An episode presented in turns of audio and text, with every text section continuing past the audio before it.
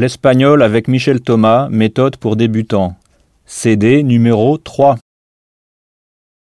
Je vais, je m'apprête à, se dit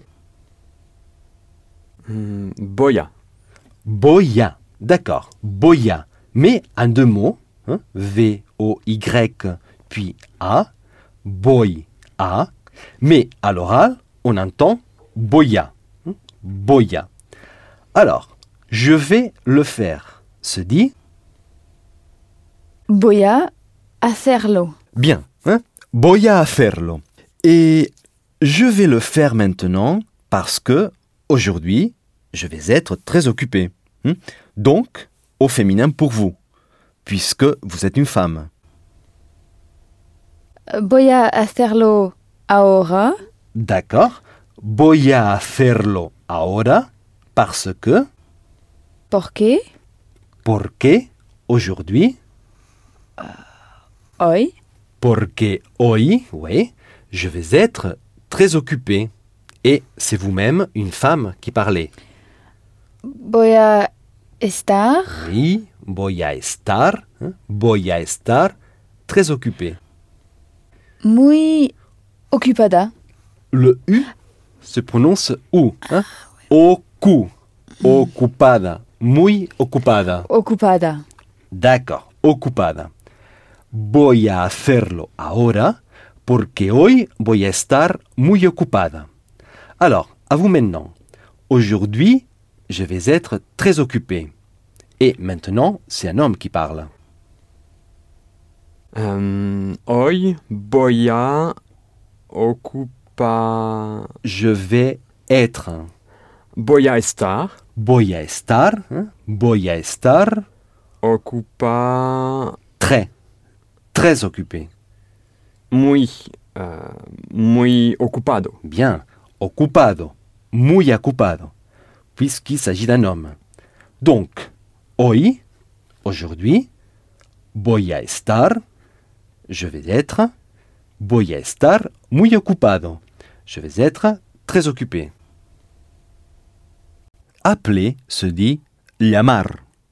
Llamar qui s'écrit deux L, A, M, A, R en espagnol. Le son L s'écrit deux L. Il s'agit d'un son spécifique de l'espagnol qui s'obtient en plaçant le bout de la langue derrière les dents du bas et en collant le dos de la langue au palais. L. L. Essayez. Le L. Lieu. Dans certaines régions d'Espagne, on le prononce comme le i de L de paille. Llamar. Hmm? Donc, appeler, c'est llamar. Hmm? Llamar. Remarquez que en Amérique latine, les deux L se prononcent j. Hein? Llamar. Hmm? Llamar. Alors, je vais vous appeler plus tard, se dira voy a Boya. hein? Oui. Boya, encore une fois. ya- llamar voy, voy a D'accord. Vous appelez. llamarle le? Oui, c'est ça. Voy a llamarle. Plus tard. voy a llamarle Plus tard. más tarde Más tarde. más tarde D'accord. Voy a llamarle más tarde. Je vais vous appeler plus tard. Hmm?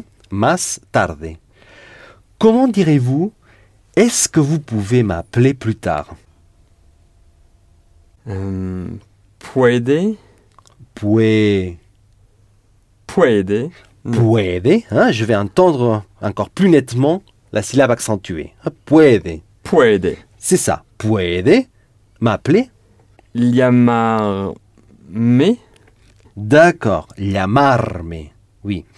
Puede llamarme plus tard. Más tarde. C'est ça. Puede llamarme más tarde. Est-ce que vous pouvez m'appeler plus tard? À quelle heure se dit à qué hora? À quelle heure? À qué hora? Alors, à quelle heure pouvez-vous m'appeler? A qué hora puede, Attention à la position de la syllabe accentuée. Hein. A qué hora puede, Voilà, c'est ça. A qué hora puede m'appeler llamar, euh, llamarme. C'est ça.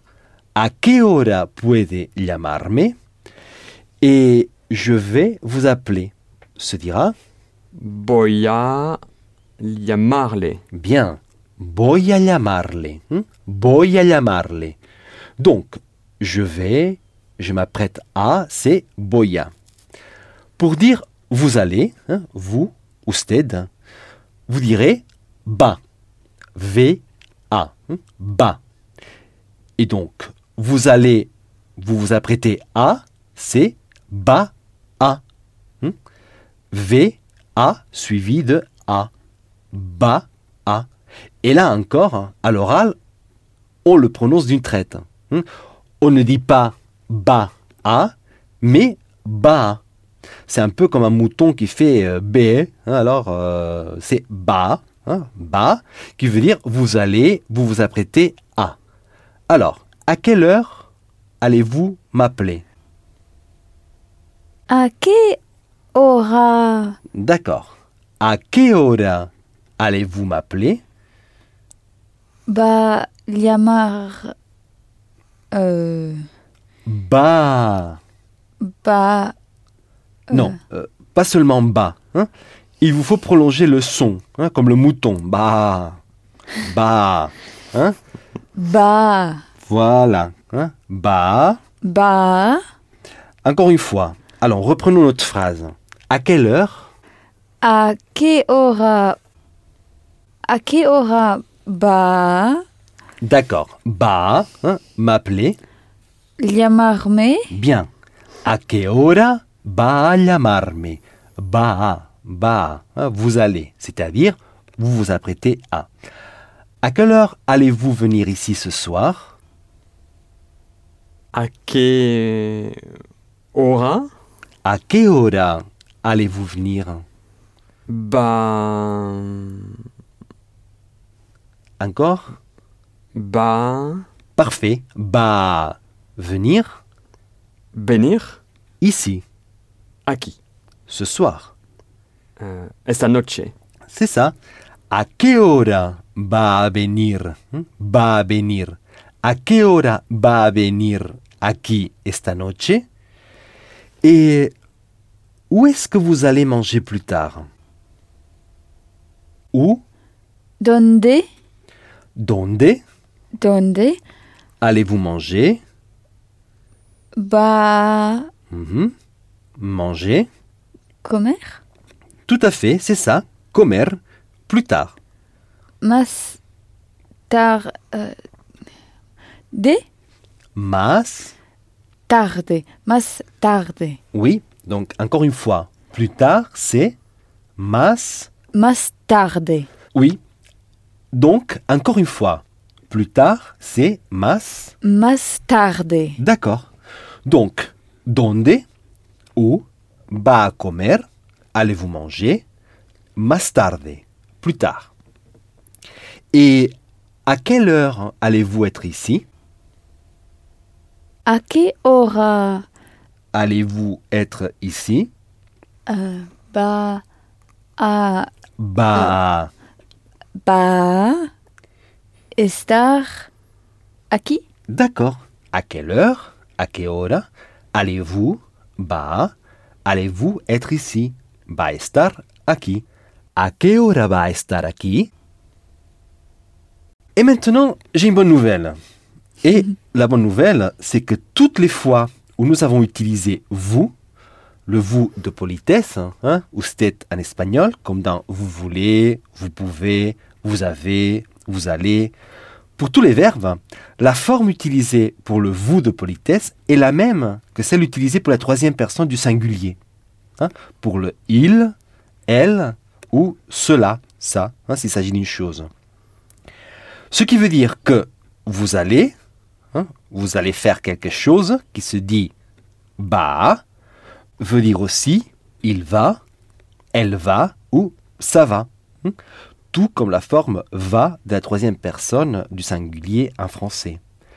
Donc, encore une fois, vous allez le faire, c'est Va hacerlo? a hacerlo. Hmm, D'accord.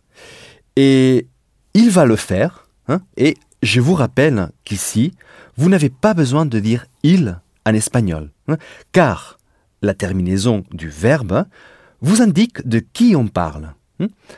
Alors, il va le faire, Va hacerlo. c'est ça, hein, tout à fait. Va a hacerlo. C'est la même forme et elle va le faire. Va a hacerlo. D'accord, va a hacerlo. Là encore, c'est la même forme. Bon, normalement, si vous dites à quelqu'un quand allez-vous le faire, en espagnol, il n'est pas nécessaire de préciser usted. hein. Va a hacerlo usted? Car il est clair que vous vous adressez à ce vous à qui vous demandez quand allez-vous le faire. hein? Donc, il suffira de dire cuando va a hacerlo? sans préciser usted. Par contre, si vous parlez de quelqu'un d'autre et que vous voulez dire quand va-t-il le faire, ou pour prendre un exemple encore plus simple, où est-il? Si vous dites juste donde está, cela risque de ne pas être assez clair, car ça pourrait aussi bien vouloir dire où est-elle, où est-ce, voire où êtes-vous que où est-il. Donc, dans ces cas-là, pour éviter toute ambiguïté, vous pouvez préciser sur qui ou quoi porte la question donde está. Pour reprendre notre exemple précédent, cuando va a hacerlo, si vous voulez dire quand allez-vous le faire et qu'il y a un risque d'ambiguïté, vous direz alors cuando va a hacerlo usted? Hmm? Quand est-ce que vous allez le faire hein? Et dans ces cas, vous précisez usted.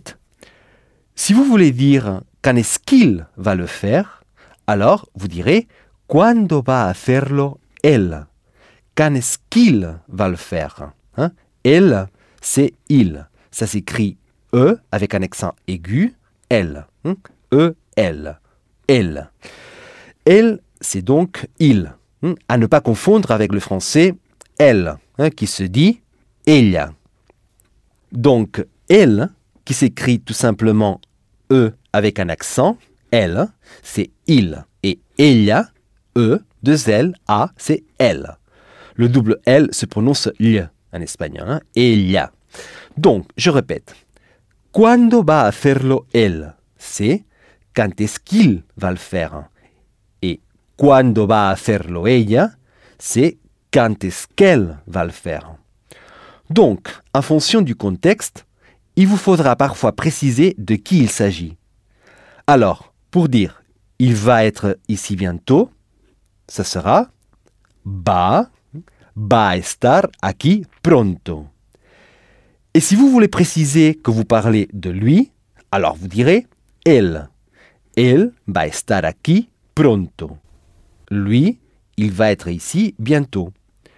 Et si vous voulez parler d'elle, ella va estar aquí pronto. Alors, par exemple, si vous voulez dire qu'est-ce que vous voulez? Euh, usted que euh, quiere. D'accord. Mais usted, ici, ce n'est pas nécessaire parce que, théoriquement, la personne à qui vous adressez la question qu'est-ce que vous voulez, c'est qu'elle lui est destinée. Hein, vous parlez directement avec votre interlocuteur, avec cette personne que vous vous voyez, dont, dans ce cas, il n'est pas nécessaire de préciser usted. On dira peut-être usted lors d'une première question pour qu'il soit clair qu'on vous voit la personne, qu'on ne la tutoie pas. Mais dans le reste de la conversation, on ne précisera pas usted à chaque fois, hein, parce qu'en principe, il n'y a pas d'ambiguïté possible. Alors, encore une fois, qu'est-ce que vous voulez? Ça sera? Que quiere? oui, encore une fois, Que quiere? que quiere hein? Que quiere? Ça veut dire qu'est-ce que vous voulez? Mais s'il est nécessaire de préciser usted, on le mettra en fin de phrase. Hein? Que quiere usted? Donc, sachant que il se met à la fin de la question, hein, comme usted, qu'est-ce qu'il veut? se dira ¿Qué quiere él? C'est ça. Donc, un fait, que quiere, peut vouloir dire que voulez-vous, que veut-il ou que veut-elle? Que quiere. Si vous avez besoin de préciser, vous direz que quiere usted? Pour dire que voulez-vous, que quiere usted, hein, on met de préférence usted en fin de phrase, ou que quiere él pour dire lui, hein, qu'est-ce qu'il veut, ou elle, que veut-elle, que quiere? Ella, ella. hein, le double L se prononce l. Ella. Elia. Ella. D'accord. Si vous voulez dire qu'est-ce que vous avez, Que tiene? que tiene Oui. Et qu'est-ce qu'il a? Que tiene él? Que tiene elle C'est ça. Et qu'est-ce qu'elle a? Que tiene Elia? Que tiene ella Mhm. Et si vous voulez éviter toute ambiguïté, si vous voulez dire qu'est-ce que vous avez, ce sera Que tiene usted? D'accord. Que tiene usted Mais dans une conversation normale, quand vous vous adressez à quelqu'un et lui dites qu'est-ce que vous avez, que tiene suffit. Par contre, si dans une conversation où vous parlez de lui ou d'elle, et qu'à un moment donné, vous voulez vous adresser à une personne que vous vous voyez, hmm, alors vous préciserez usted. Donc, vous ajouterez usted, soit pour préciser de qui il s'agit, afin d'éviter toute ambiguïté, soit comme forme d'insistance. Oui, c'est à vous que je m'adresse. hein. En français, vous élevez le ton sur le mot vous. hein. Qu'est-ce que vous avez hein? En espagnol, il vous suffit de préciser usted. ¿Qué tiene usted Le mot pour dire prêt est listo. Listo. Donc, je suis prêt pour un homme, c'est Estoy listo. bien. Donc, listo, c'est prêt. Oui, listo. Hein? L-I-S-T-O.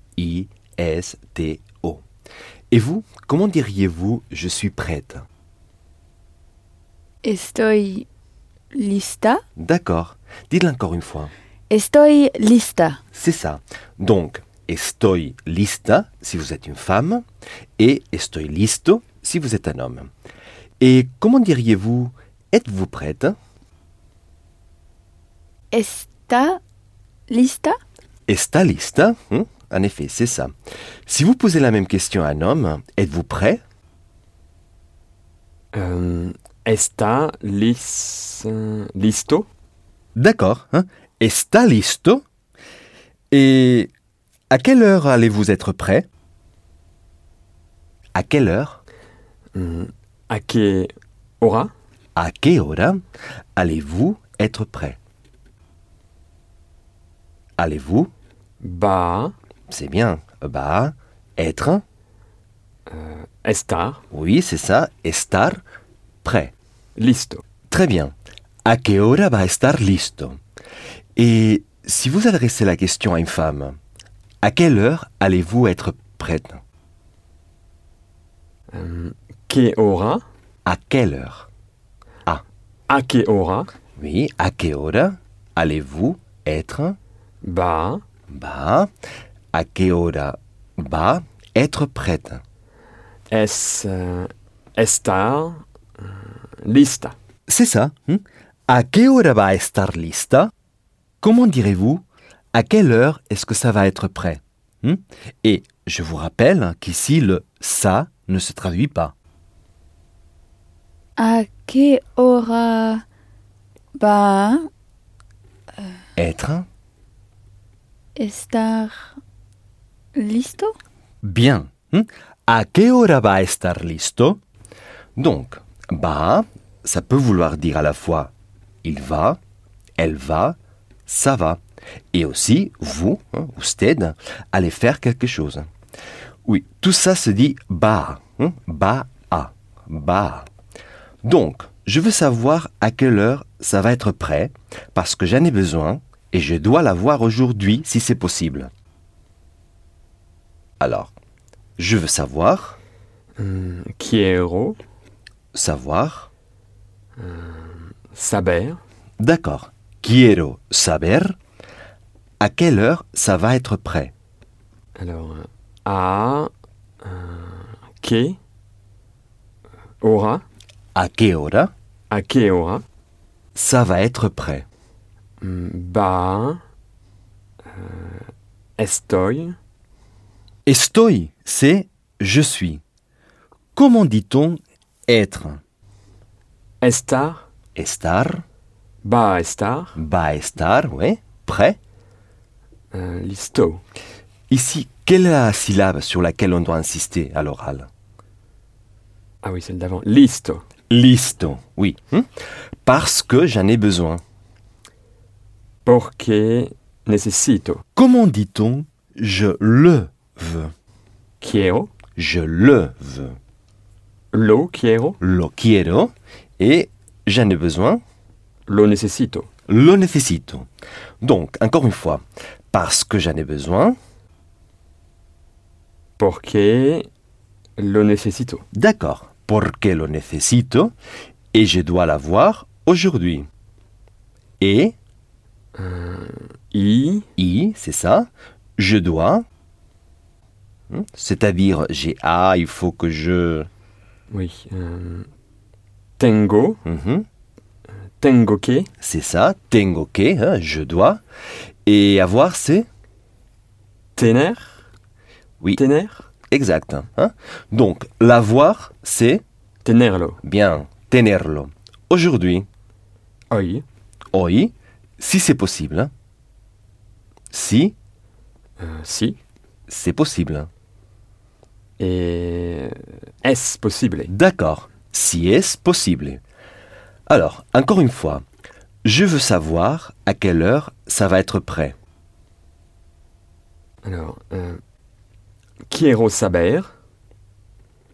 A que hora va euh, estar listo Mhm. Quiero saber? A qué hora va estar listo.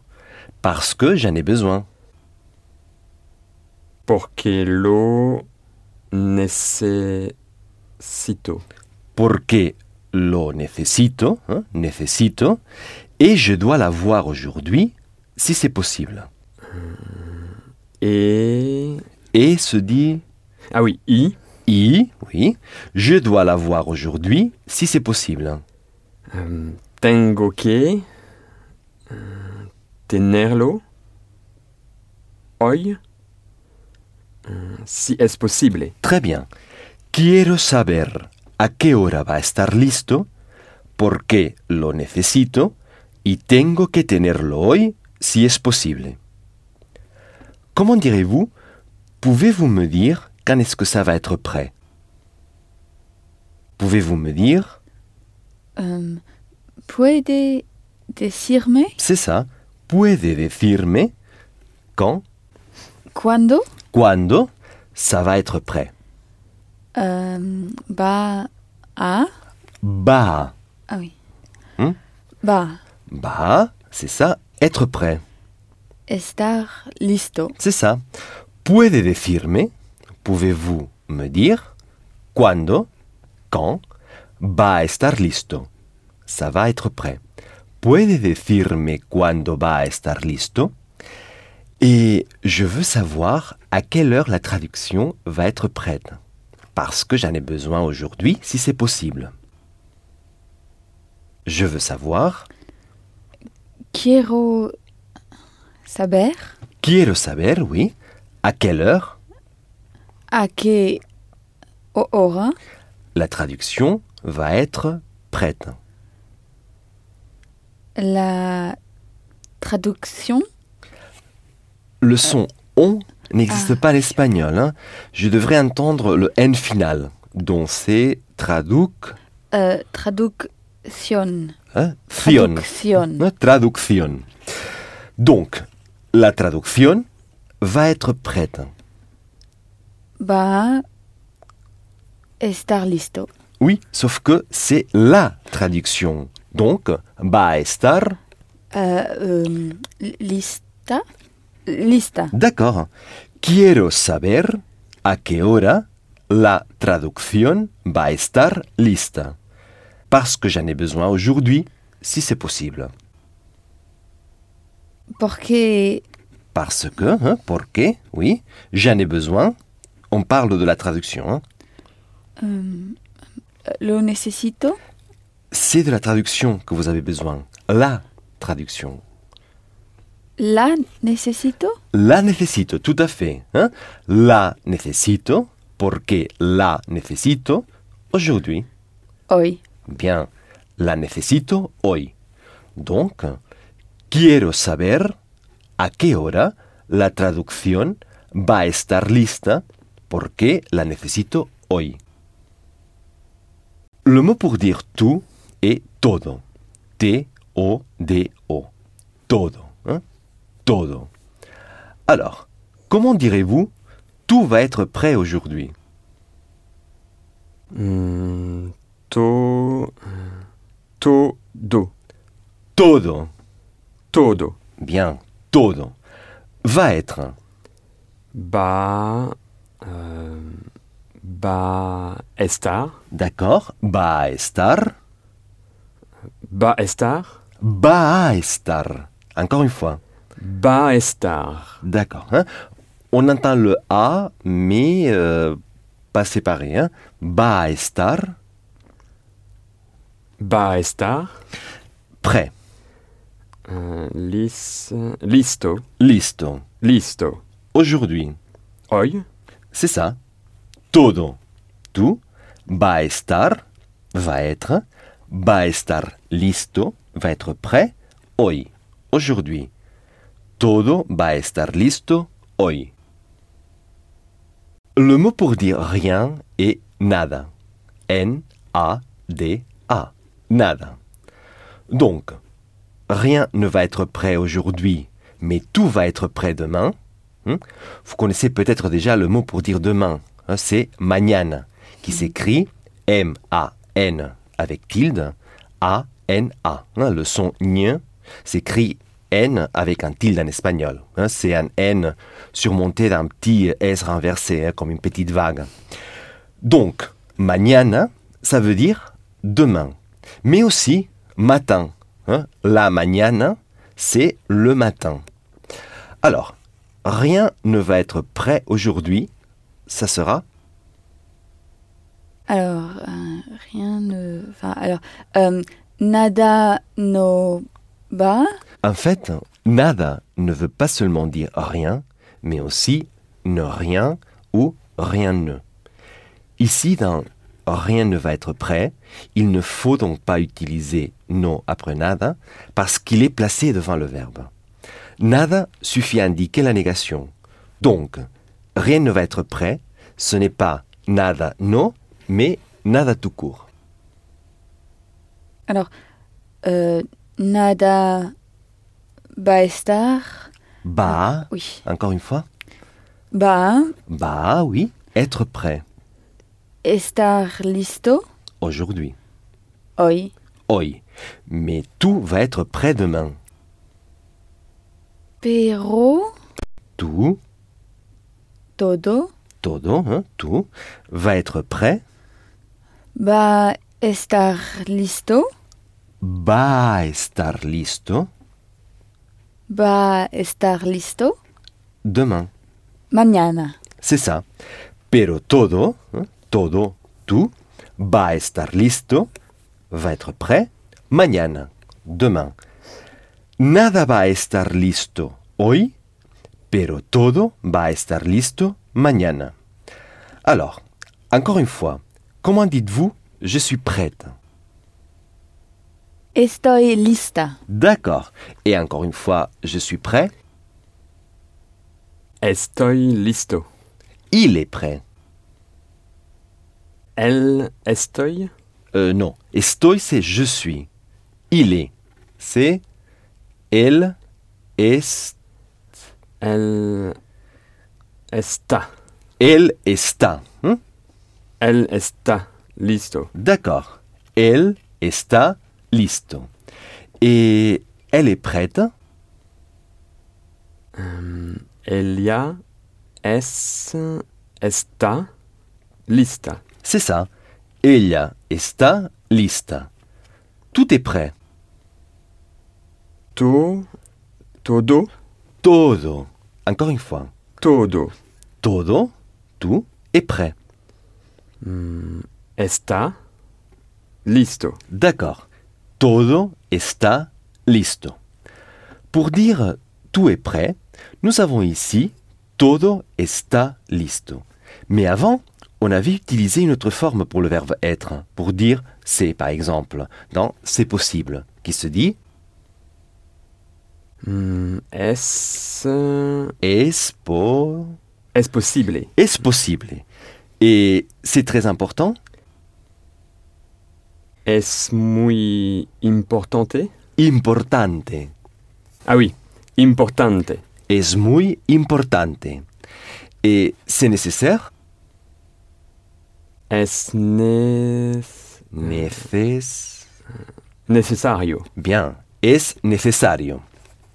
Donc, nous avons es pour c'est, dans c'est nécessaire, c'est important, c'est possible, mais pour dire c'est prêt, nous avons employé non pas es, listo, mais es, Eh, Está está listo. Hmm, tiens, tiens, c'est curieux. C'est curieux parce qu'en espagnol, on a deux verbes être et non pas un, mais deux. Ce n'est pas para complicar las cosas. Hein? C'est pas pour compliquer les choses. Simplement, c'est un plus de la langue espagnole. Donc, écoutez bien. Pour dire être en espagnol, il existe deux verbes. Estar et ser. Estar s'emploie essentiellement pour désigner un état. D'ailleurs, dans la même famille que estar, on a estado, qui veut dire état. Donc, estar, c'est être en tant qu'état. On l'emploie pour parler d'un état passager, accidentel, et aussi pour parler d'où se trouve quelque chose ou quelqu'un. Donc, dans ces cas-là, on emploie estar. Quant à ser, S-E-R, l'autre verbe être, ser exprime les caractéristiques qui définissent quelqu'un ou quelque chose, hein, son essence, sa nature. Ser peut d'ailleurs aussi être un nom. El ser veut dire l'être. El ser humano, c'est l'être humain. Le fait d'être humain, c'est ce qui le définit. C'est ce qui définit ce qu'il est. Je vais vous donner des exemples pour que vous voyez la différence entre les deux verbes être, ser et estar, ce que chacun de ces deux verbes permet d'exprimer. Par exemple, si vous voulez dire je suis fatigué, vous emploierez estar, c'est un état passager. Tandis que si vous voulez dire je suis français, il vous faudra utiliser ser, parce que c'est une caractéristique qui vous définit. La forme du je pour le verbe estar, c'est estoy. Hmm? Je suis. Estoy. Et celle pour le verbe ser, c'est soy. Je suis. Soy. S-O-Y. Donc, pour dire je suis fatigué, pour un homme, on emploiera estoy. Estoy cansado. Mais pour dire je suis français, on emploiera soy. Soy français. De la même manière, está du verbe estar veut à la fois dire vous, hein, usted, êtes, il est, elle est et c'est, lorsqu'il ne s'agit pas d'une caractéristique permanente. Tandis que es du verbe ser, qui veut aussi dire vous êtes, il est, elle est ou c'est, permet de parler d'une caractéristique permanente hein, de quelqu'un ou de quelque chose. Donc, si vous voulez demander comment allez-vous, on dira littéralement comment êtes-vous, donc, du fait que l'on demande à la personne comment elle va au moment où l'on parle, on emploiera estar. Alors, comment allez-vous Ça sera como, Está como está. Ouais.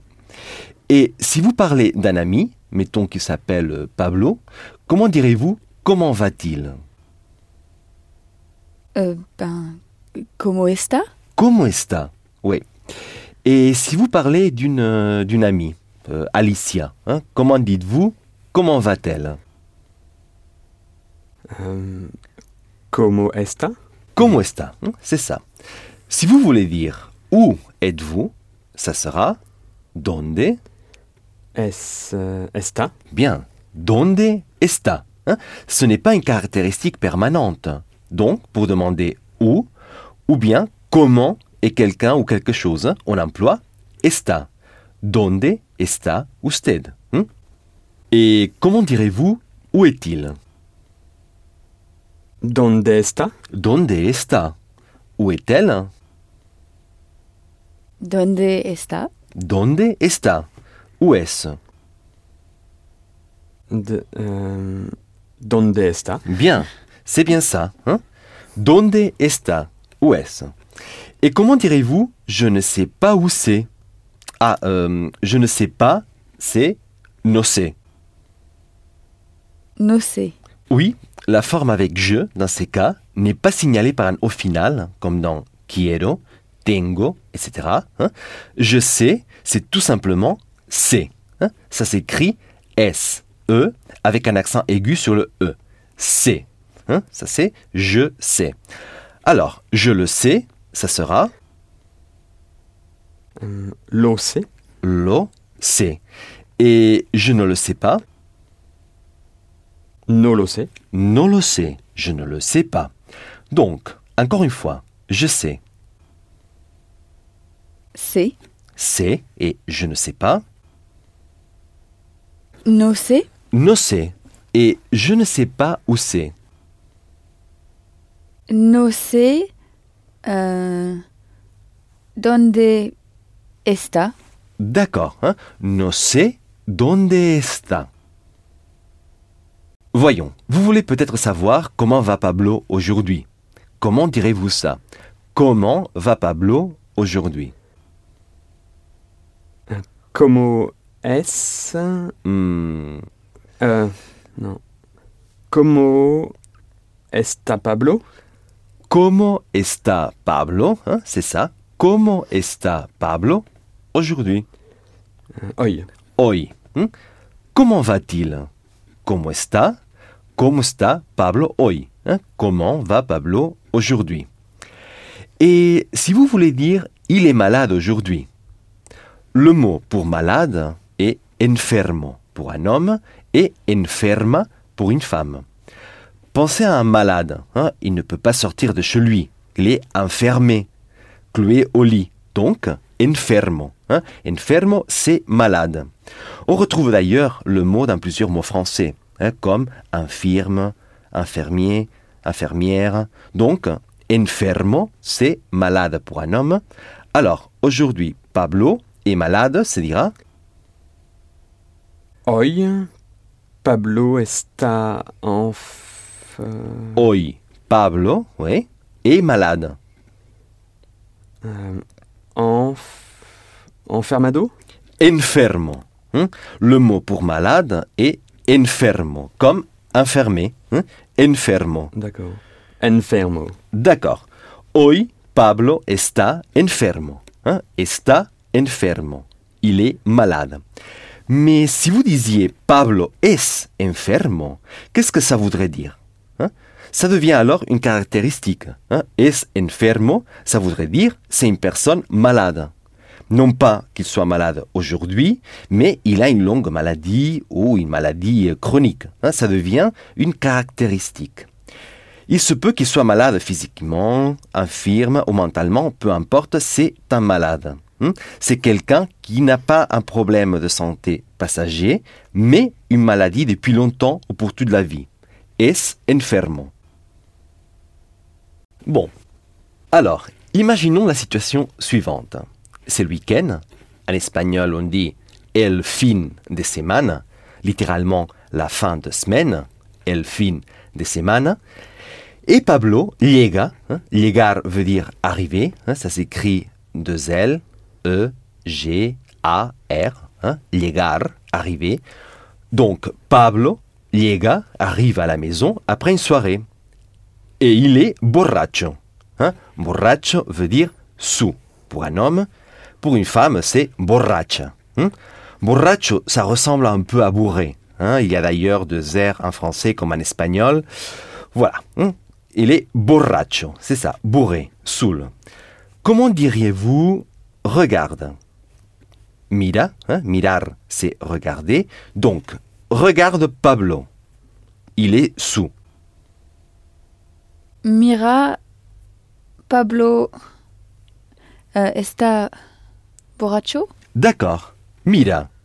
Pablo está borracho. On emploie está car il s'agit de dire comment il va. hein. comment va-t-il? Réponse il est sous. Está borracho. Mais si quelqu'un disait Pablo es borracho, qu'est-ce que ça voudrait dire? Euh, qui- qu'il est toujours sous? Hmm, Ouais. Ah, c'est un alcoolique. C'est un alcoolique, hein, c'est ça. Il y a une différence, donc, vous comprenez ce que je veux dire quand je dis que c'est un plus. hein, C'est-à-dire, ça permet d'introduire une nuance supplémentaire hein, dans la langue espagnole. Car là ou dans d'autres langues, on aura besoin de deux noms ou adjectifs différents. En espagnol, on fait la distinction grâce à ser ou estar. Donc, Pablo es borracho, c'est un alcoolique. Hmm? Tandis que Pablo está borracho, ça voudra dire Pablo est sous. voilà. Et maintenant, prenons le mot guapo. hein, G-U-A-P-O. Guapo, ça veut dire beau. Et guapa, belle. Alors, maintenant que vous savez la différence entre les deux verbes être, entre ser et estar, si Pablo, par exemple, parle d'une femme qu'il a rencontrée, quel commentaire est le plus flatteur? Es guapa ou está guapa? Euh, está guapa? Euh, Est guapa? Voyons, s'il dit es guapa, hein, d'après ce qu'on a vu, il parle d'une caractéristique permanente, hein, de cette beauté qui est l'une de ses caractéristiques, de sa beauté naturelle. Tandis que s'il dit está guapa, il veut dire surtout, bah, elle est jolie aujourd'hui, hein, parce qu'elle est bien habillée, ou euh, coiffée différemment. hein, c'est une beauté temporaire. Euh, il se peut qu'il ne la trouve pas belle les autres jours même. hein. Donc, je vous repose la question. Qu'est-ce qui est le plus flatteur? Hein, Catherine, qu'est-ce que vous préférez que je vous dise? Usted es guapa ou está guapa Euh, es guapa. Soy guapa, hein, es guapa. Très bien. C'est ça, hein, es guapa. hein, c'est l'une de ses caractéristiques permanentes. Si vous voulez dire je suis professeur, est-ce que vous emploierez estoy ou soy? Euh, Euh, non, non, soy, soy. D'accord, hein, soy professeur. Et encore une fois, comment dit-on je suis prêt Es. euh, estoy listo. D'accord, hein, estoy listo. Mais vous pouvez dire aussi en espagnol soy listo. hein, parce qu'en espagnol, listo a deux sens différents selon que l'on utilise avec ser ou estar, hein, comme c'est le cas pour un certain nombre d'adjectifs. Donc, on emploie estar pour dire être prêt, estoy listo, hein, je suis prêt, está listo, vous, usted êtes prêt, il est prêt, elle est prête, hein, c'est prêt. Donc avec estar, listo veut dire prêt.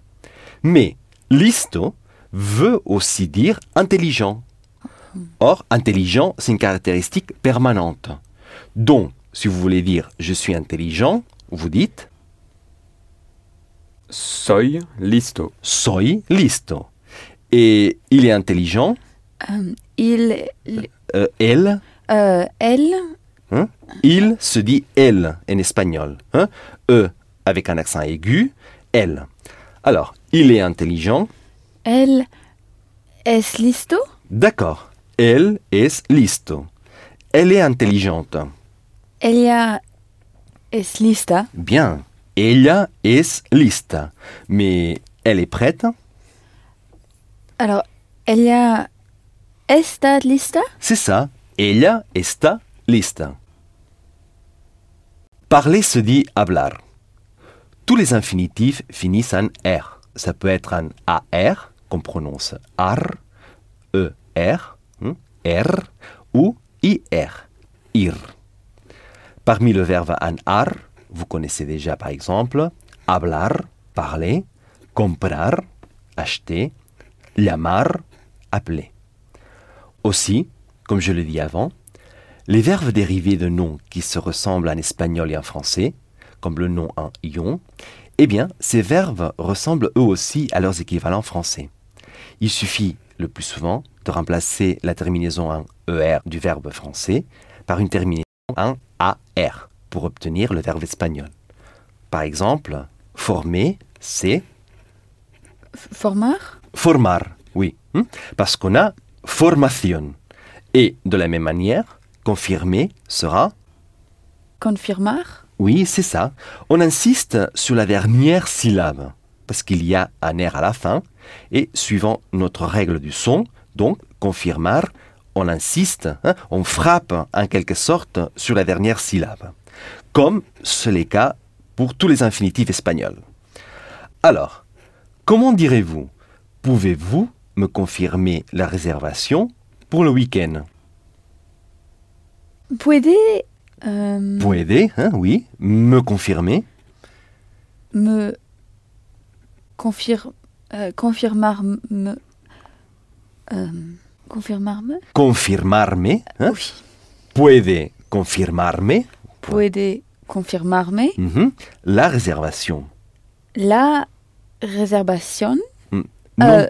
non pas réservation, mais réserve, euh, réserve, hein, c'est ça. Pour le week-end. para Para, hein, pour, oui, le week-end. Littéralement, la fin de la semaine.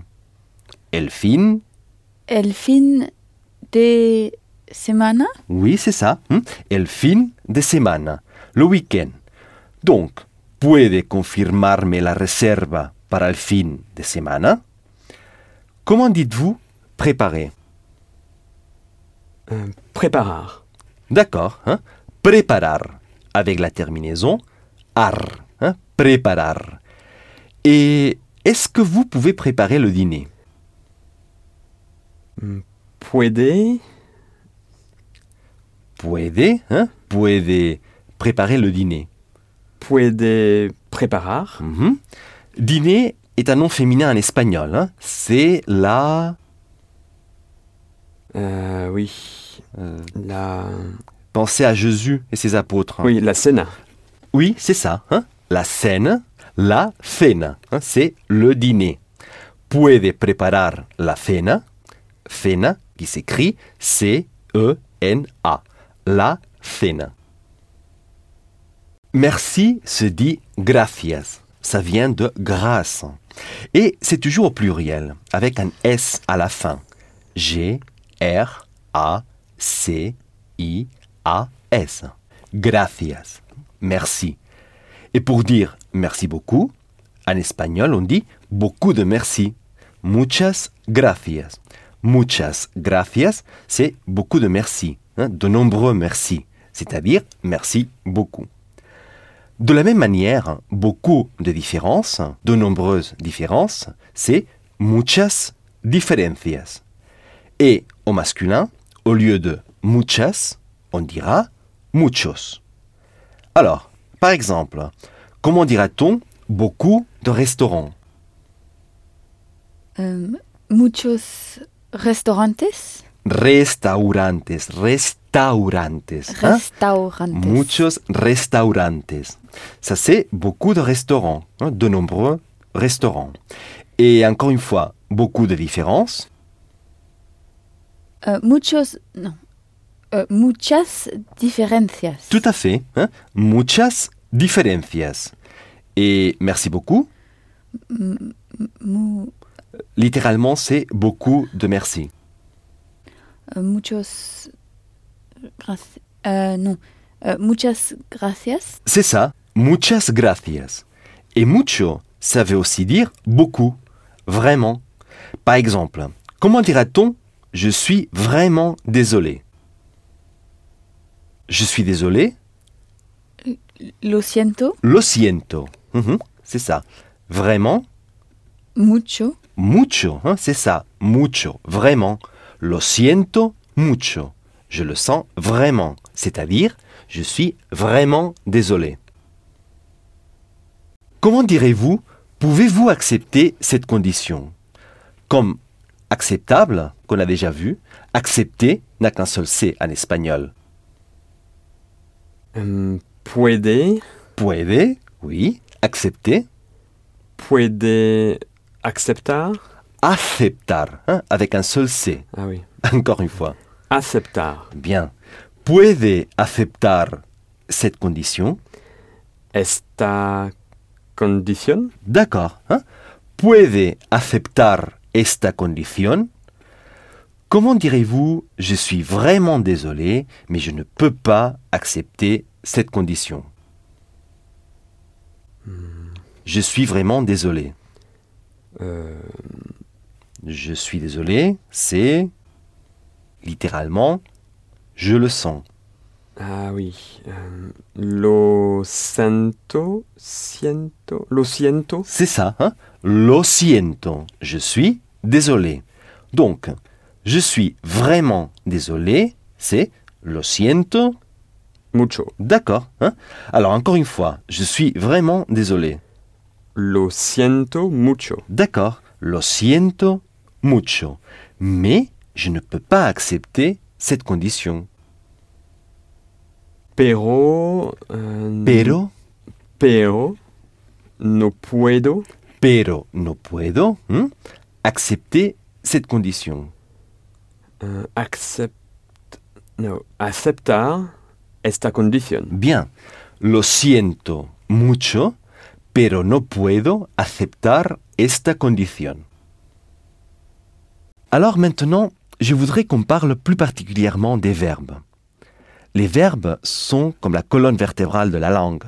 C'est pour ça qu'il est important d'apprendre à les employer, parce que si vous savez manier les verbes, vous savez manier la langue. Comme on l'a déjà vu, les infinitifs espagnols finissent toujours en R. Donc, il faut les accentuer sur la dernière syllabe. Et il y a trois groupes de verbes. Les verbes en AR, en ER et en IR. L'immense majorité des verbes espagnols finit en AR, hein, ar. Alors, le verbe parler, c'est... Hablar. Oui, mais je voudrais entendre bien clairement que c'est la dernière syllabe hein, qui est accentuée. Hablar. D'accord. Hablar. hein. Parce que si vous ne respectez pas ma règle du son, au risque de ne pas vous comprendre. Donc, je répète, tous les infinitifs finissent en R. Et donc, on frappe hein, la dernière syllabe. Encore une fois, parler, c'est Hablar. hablar. hein, hablar. Et acheter, Comprar. comprar. Oui. Et comprendre, Euh, comprender. comprender. Encore une fois, Comprender. voilà, comprender. Et manger, Euh, cenar. Cenar, c'est dîner. Mais manger, c'est Euh, comer. comer. hein, c'est ça. Faire, Hacer. hacer, hacer. Dire, Euh, decir. c'est ça. Hein, decir. Préparer, Hum, preparar. d'accord. Preparar. Accepter, Euh, acceptar. En espagnol, c'est aceptar, hein, avec un seul C. Euh, aceptar. Aceptar, c'est ça. Venir, on l'a déjà vu. hein, se dit tout simplement venir. V-E-N-I-R. Attention au V qui se prononce comme un B. Hein. Venir. Venir. Et avec se dit con. C-O-N. Con. Alors, comment direz-vous je vais venir avec vous Voy a venir. Voy a venir avec vous. con Con, u- usted. c'est bien. Voy a venir, je vais venir con, avec usted, vous. Voy a venir con usted. Et comment direz-vous j'ai besoin de parler avec elle Necesito hablar Necesito hablar, hein, c'est ça, avec elle. con ella? Bien. Necesito, j'ai besoin de. Hablar, parler. Con, avec. Ella, elle. Con ella, avec elle. Necesito hablar con ella. Donc, on a avec vous, con usted, avec elle, con ella. Et donc, logiquement, avec moi, ça devrait être conmi. Mais ce n'est pas conmi, c'est conmigo. Conmigo. Pour dire pour moi, on disait bien para mí, hein, que vous connaissez déjà. Mais pour dire avec moi, on dit conmigo. Donc, avec moi, conmigo, qui s'écrit tout attaché en un seul mot. Et c'est la même chose pour dire avec toi.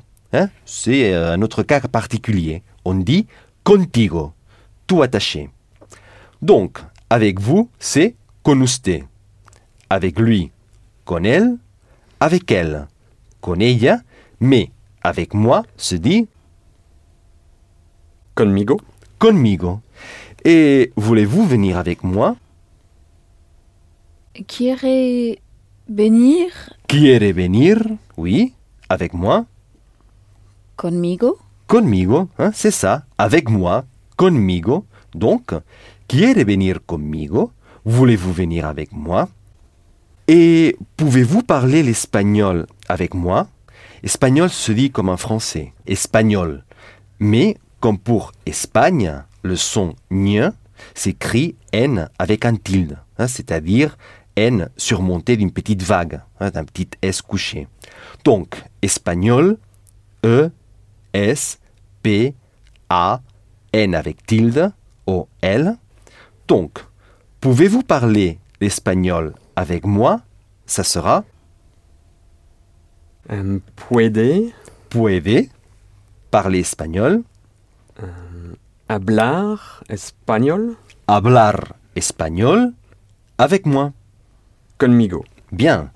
Puede hablar espagnol conmigo? Et comment direz-vous si vous voulez, vous pouvez parler espagnol avec moi? Euh, si quiero. Si vous voulez. hein, vous m'avez dit si je veux. Ah, Si vous voulez, euh, si quiere. quiere. hein, si quiere, encore une fois.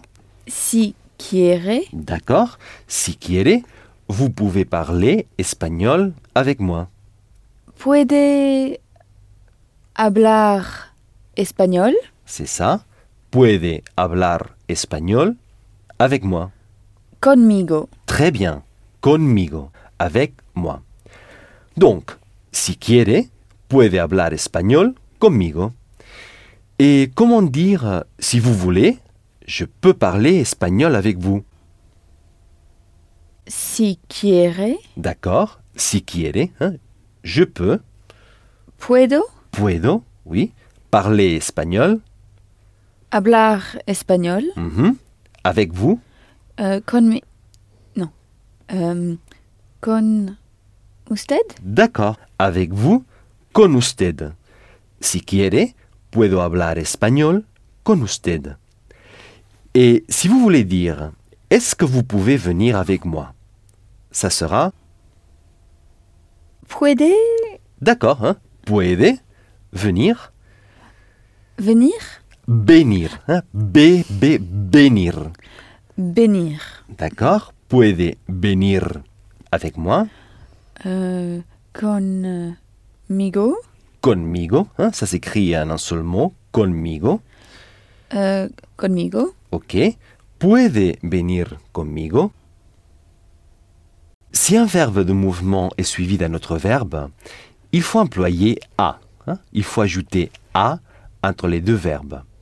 Par exemple, venir se dit venir.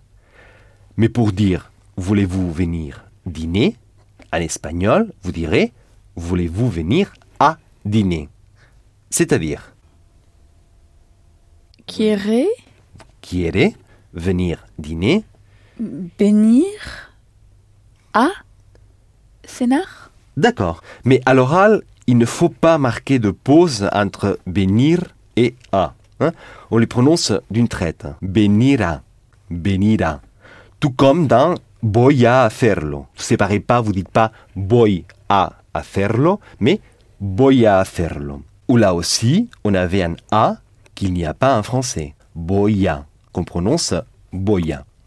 Donc, c'est venira, mais seulement à l'oral. hein. À l'écrit, ce sont bien deux mots séparés. Venir, a. Mais à l'oral, venira.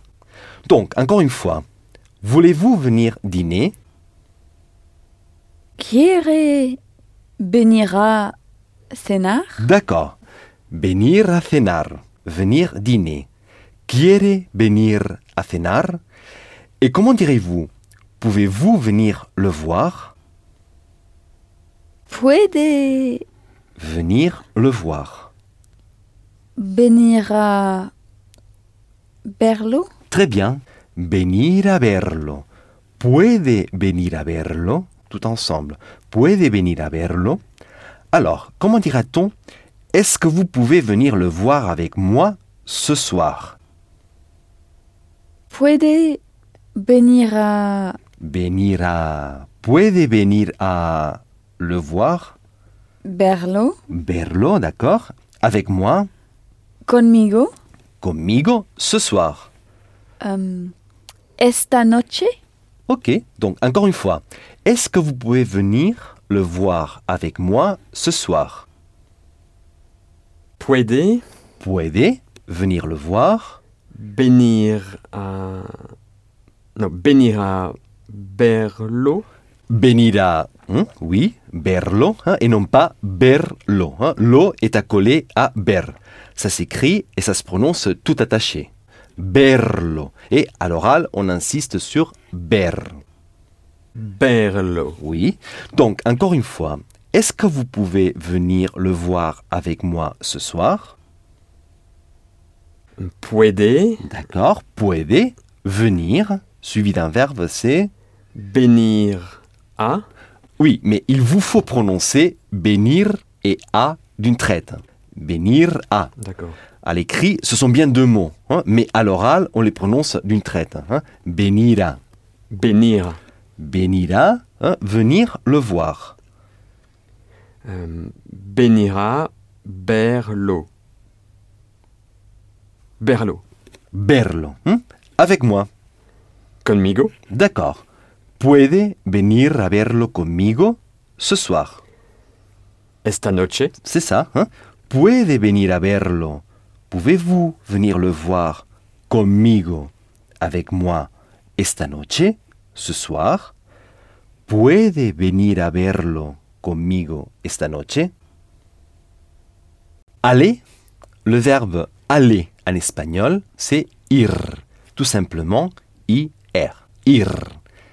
D'ailleurs, c'est une racine que l'on retrouve en français au futur du verbe aller. Hein, J'irai, tu iras, il ira, hein, et au conditionnel. Tu irais, il irait.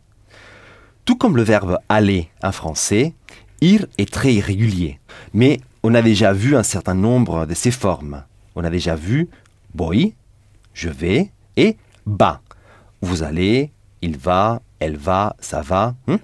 Voy et ba, dans lesquels on retrouve le V de vais et de va en français. Donc, le verbe à l'infinitif a une toute autre forme. C'est ir. Ir, c'est le verbe aller.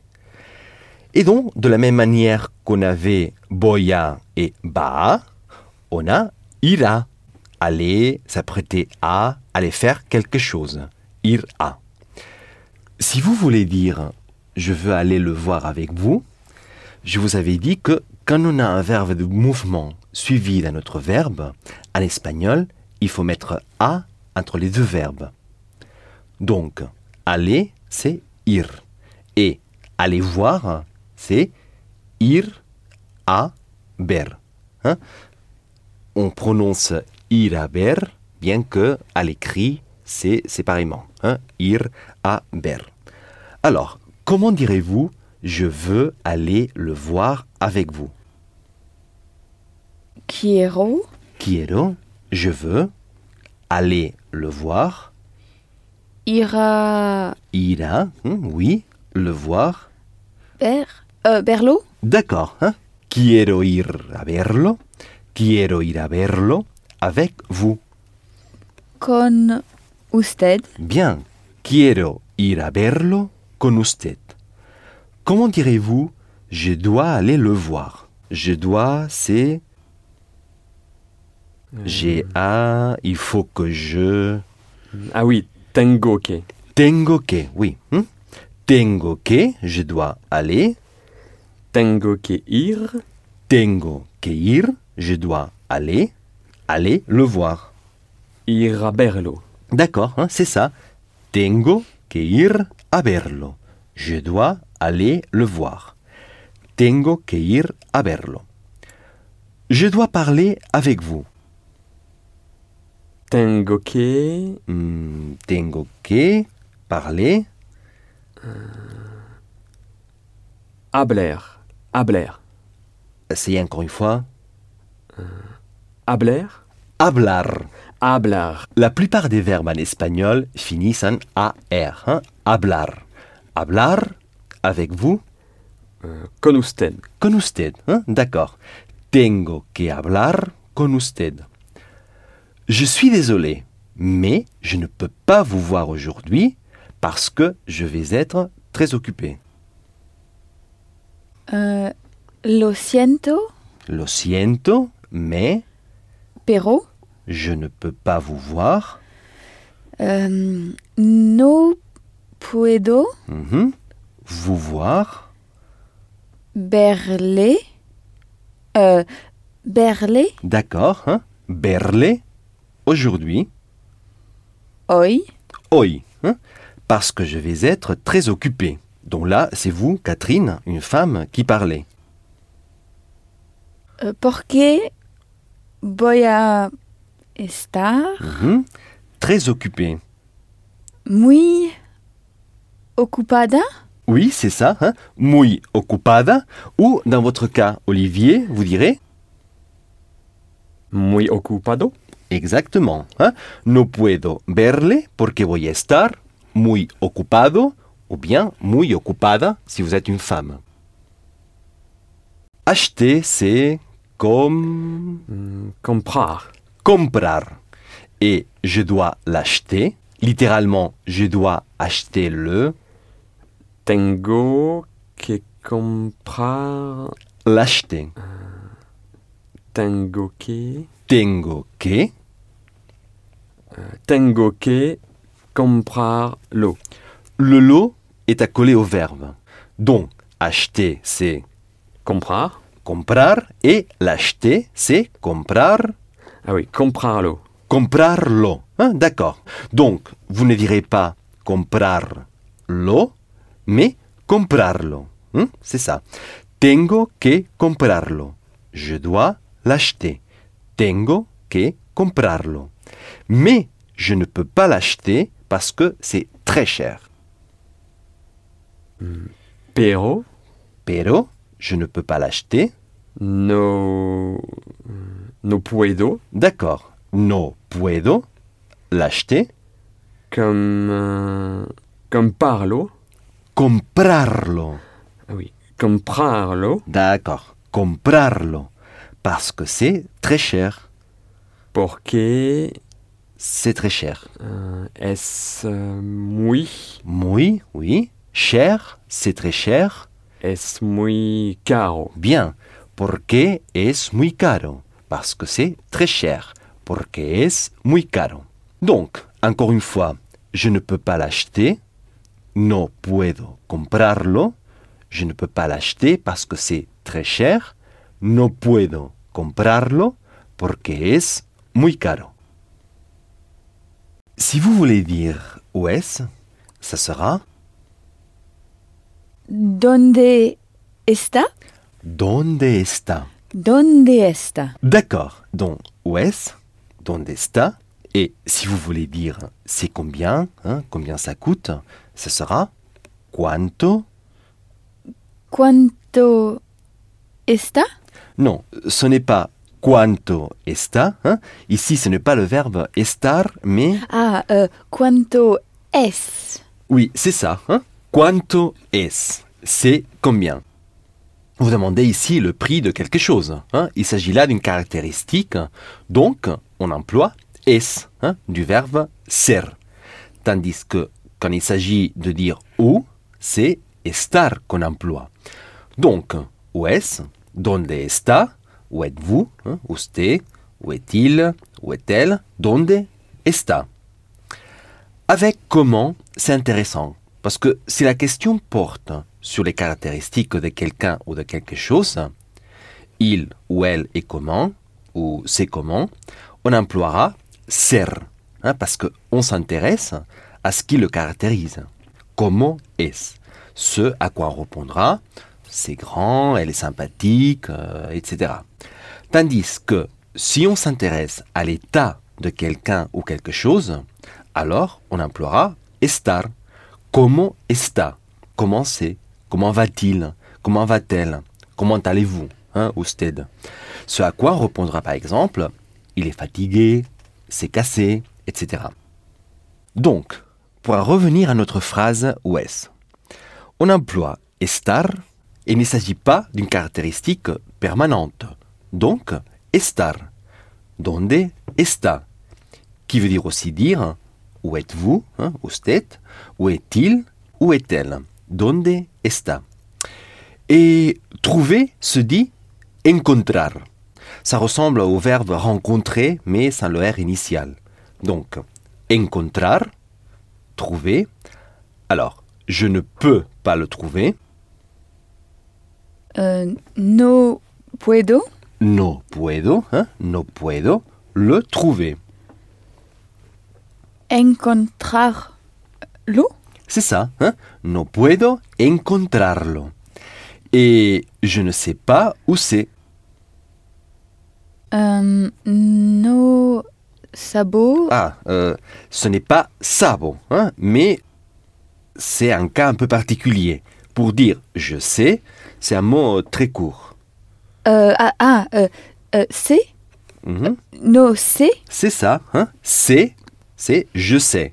Donc, je ne sais pas, non c'est. hein, Je ne sais pas. Où c'est? Euh, Donde está D'accord. No sé donde está.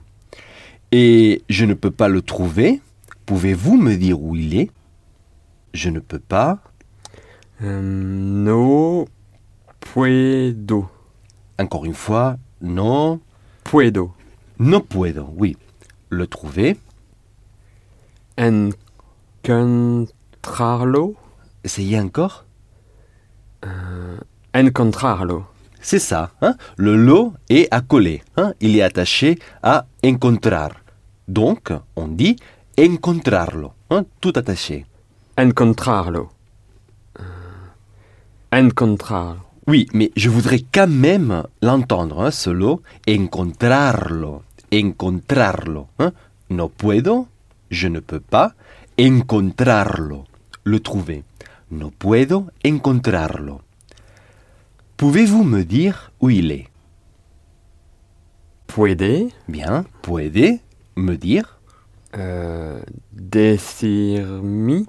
me dire, c'est decir, Euh, decirme. c'est ça, hein?